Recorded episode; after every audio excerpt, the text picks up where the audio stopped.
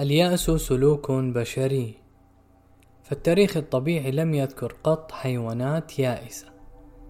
لكن هذا الإنسان نفسه الذي لا يمكن فصله عن اليأس تعود أن يتعايش معه. إنه يحتمله حتى في حدوده القصوى. اختبرنا جميعا اليأس وفقدان الأمل في درجات تباينت حدتها وسياقها. الكل يصطدم فجأة.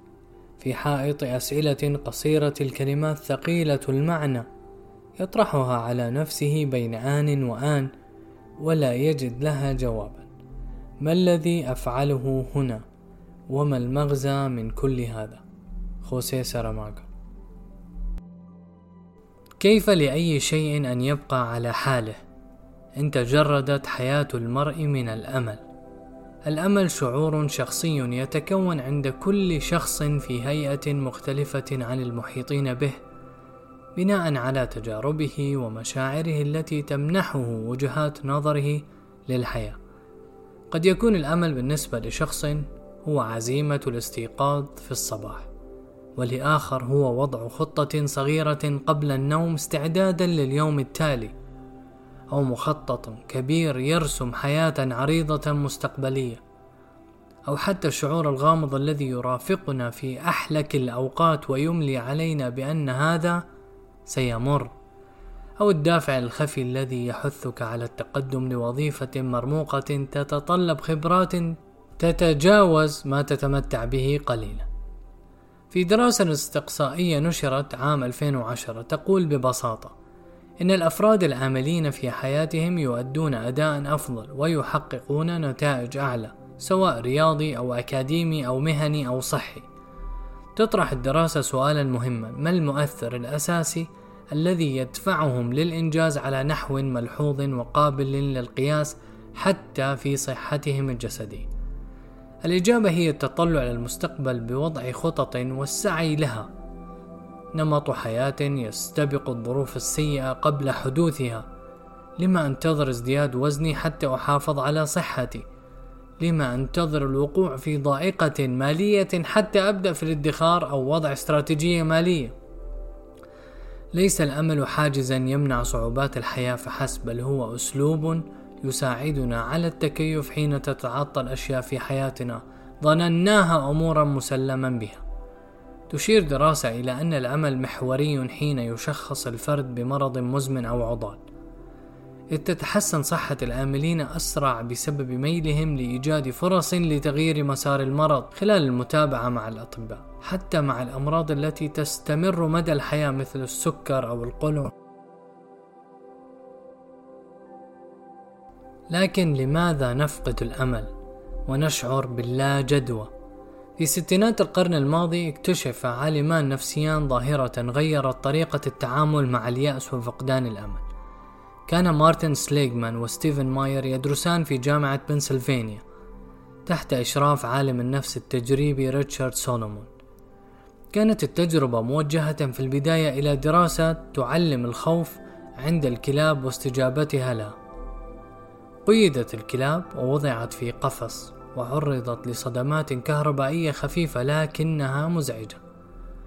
وأطلق مع كل صدمة صوت معين لتقرأه الكلاب بألمها.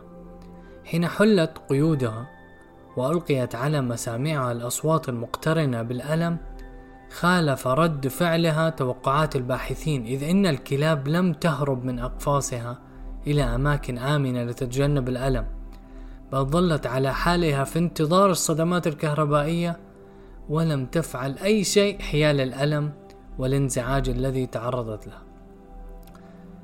حكم على التجربة الفشل لكن الطالبين الباحثين سليغمان وماير توصلا إلى استنتاج مختلف.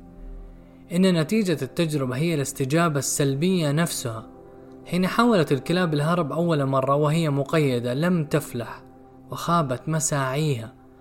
لذا تعلمت الكلاب أن الهرب من الصدمات الكهربائية لن يفضي إلى شيء وعلى ذلك استسلمت حين واجهت موقفا مشابها في المرة الثانية. رغم تغيير الظروف من حوله أعيد اختبار النظرية المبدئية في تجربة معدة خصيصا وأتت النتائج كما المتوقع. لم تهرب الكلاب التي اكتسبت اليأس والاستسلام من المحاولة الأولى. نشرت نتائجها في مجلة علم النفس التجريبي عام 67 ظهرت النتيجة نفسها حين أجريت التجربة على القوارض ثم البشر. لاحظ الباحثون أنه حين يتعرض المشاركون في التجربة إلى ضوضاء عالية أو ألغاز لا حل لها تظهر عليهم الأعراض المعروفة للاكتئاب مثل فقدان الاهتمام وضعف التركيز والإرهاق والحزن واللا جدوى واستقرت النتيجة في النهاية على أن العجز المكتسب هو نوع فرعي للاكتئاب. لكن ليس الأمر مخيبا للآمال بالكامل. إذ لاحظ الباحثون أنه حين يحبط المشاركون. لا يستسلم بعضهم للإحباط رغم وعيه الكامل بأن لا شيء بيده ليفعله بل يستمر في محاولة استعادة السيطرة على الموقف. إذا العجز ومعه فقدان الأمل لا يكفيان لإدخال المرء في حالة من الاكتئاب. تطرح النظرية سؤالا في نتائجها. لماذا شعر بعض المشاركين بالعجز إثر عقبات التجربة بشكل عام بينما ظل البعض الآخر مرنا؟ متجاوبا وغير فاقد للأمل. الإجابة كانت ببساطة. هي تفسير العقبات وجهة النظر التي تلقى بها المشاركون الموقف الذي تورطوا فيه. هل لاموا أنفسهم أم لاموا التجربة؟ هل ظنوا أنفسهم أغبياء أم وجدوا اللغز صعبا؟ هل عمموا التجربة على حياتهم أم أبقوا هذا العز في حيز التجربة فقط؟ يوضح سليغمان أن لكل أسلوبه التفسيري أمام الظروف التي يقع فيها. فالبعض يميل إلى التفسيرات المتشائمة ويصم الموقف بوصمات سلبية دائما عقب المرور بوقت عصيب. مثلا أن تفسر الرسوب في الامتحان ما أو في أي امتحان بأنك عاجز عن الدراسة بشكل عام. وأيا ما فعلت أو أي جهد بذلت فلن تجزي المحاولات نفع. أو أن يصاب طفلك بأذى في الملعب فتفسر الموقف بأن ما حدث خطأك وحده. وأنك لن تكون أبا جيدا أبدا فتكون الظروف الصعبة بمثابة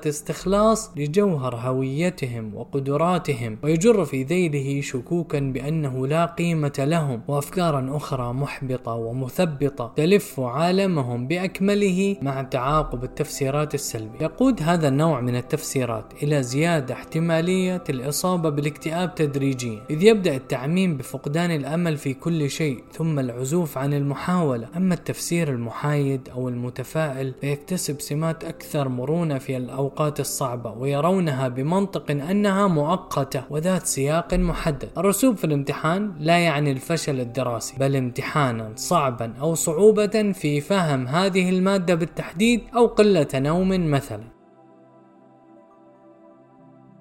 ماذا أفعل لأنعش أملي؟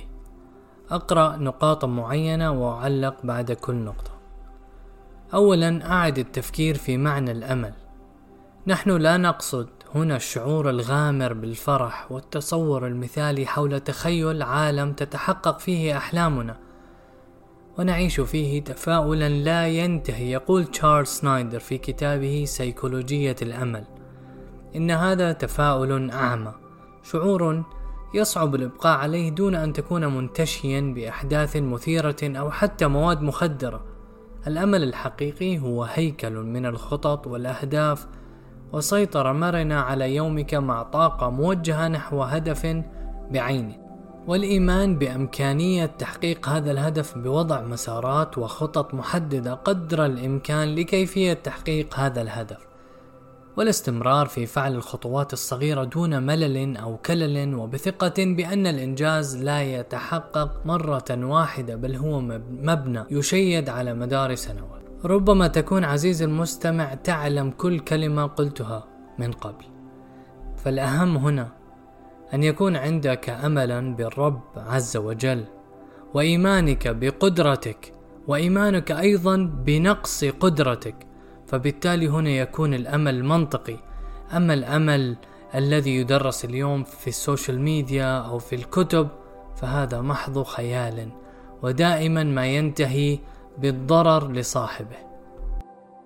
ثانيا تواصل مع الآخرين. تسيطر على المرء في الأوقات الصعبة الرغبة في الانسحاب من العالم والانعزال بذاته. ربما بسبب الشعور بالحرج أو لتجنب النقد أو تفادي الإثقال على الآخرين. ليس هناك عيب في الاختلاء بالنفس لترتيب أفكارك ومشاعرك أو لمحاولة فهم ما تمر به. لكن الشبكات الاجتماعية من حولنا كالعائلة الأصدقاء أو الزملاء تؤدي دورا مهما في تسهيل الصعوبات التي نمر بها. المشاركة في حد ذاتها تقوي علاقتك بمن حولك وتساعدك على مسايرة مراحل الخوف والقلق والتيه بطرق صحية وفعالة. تذكر أنك إذا تجنبت الجميع وانغلقت على ذاتك تماما فسيستحيل عليهم تقديم يد المساعدة أو حتى عرض وجهات نظر جديدة. طلب المساعدة يتتق... يتطلب شجاعة والاحتياج يعني أنك إنسان وسعيك له هو مردك الأول لبعث الأمل في نفسك. حاول العثور على شخص مريح في محيط محيطا تعرف أنه لن يحكم على أفكارك أو يستخف بها وربما يساعد. إن أخبرته في بداية الحديث أنك بحاجة إلى أذن تصغي فحسب. وليس لحلول أو مقترحات أو نصائح. أجد هذه النقطة مهمة ولكن أحيانا يصعب وجود هذا الشخص مع وجود العائلة أو الأصدقاء أو الزملاء. أحيانا لا تجد هذا الشخص الذي يستطيع كتمان سرك أو تفهم خواطرك ومشاكلك وعدم الاستهزاء بها ولكن يجب أن نحاول.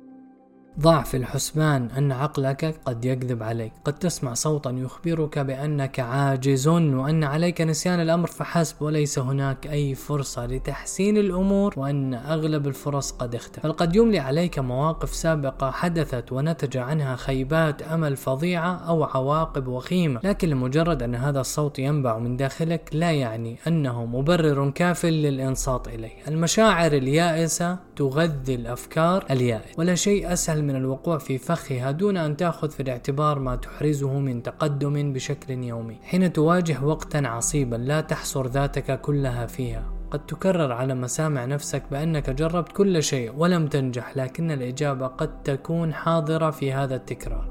اطرح على نفسك السؤال الآتي. ما السيناريو الذي قد تتحسن به الأمور؟ في البداية قد تجيب بأنك تحتاج إلى معجزة ثم مليون دولار ثم سيارة جديدة وقصر منيف. حين تنتهي من الحلول السحرية فكر قليلا في الإيجابيات الصادقة المحتملة التي قد تجر في طريقها أملا وخططا واقعية ووجهة نظر مختلفة. ربما لن يحدث هذا السيناريو بالضبط لكن افتراض اجتياز الامتحان التالي والتفرغ لمذاكرة المادة الصعبة صعبة ثم اجتياز امتحانها أيضا فالحصول على الدرجة المرجوة ليست قصة حالكة صحيح؟ قد يشعرك اليأس بالرضا عن أي قرار متهور تأخذ والذي قد يكون قرارا خاطئا ومجحفا في حق نفسك. مثلا أن تفقد الأمل عن أن تنقص وزنك فتقرر أن تأكل كل ما تراه أمامك دون أي اعتبارات أو تفقد الأمل في مقدرتك على سداد القرض الكبير الذي اقترضته من البنك فتعزف عن محاولات تحسين دخلك أو إدارتك لنفقاتك. على الجانب الآخر فكر فيما قد تكسبه من الأمل. تصور حياتك آملا كيف ستكون قراراتك واختياراتك وقتها. ما الذي ستفعله على نحو مختلف؟ قد تشجعك تصوراتك على البدء في التظاهر بالأمل والتصرف بناء عليه حتى إن لم تكن على ثقة كبيرة بشعورك هذا. لكن مساعيك قد تنجح. لا يعني هذا أن مشاعرك السلبية ستختفي من تلقاء نفسها لكن أحيانا يكون علينا أن نغير سلوكنا نفسه ثم يتبعه تغير مشاعرنا نقلع عن اليأس ثم نتصرف بأمل فتزداد فرص الشعور الحقيقي بالأمل.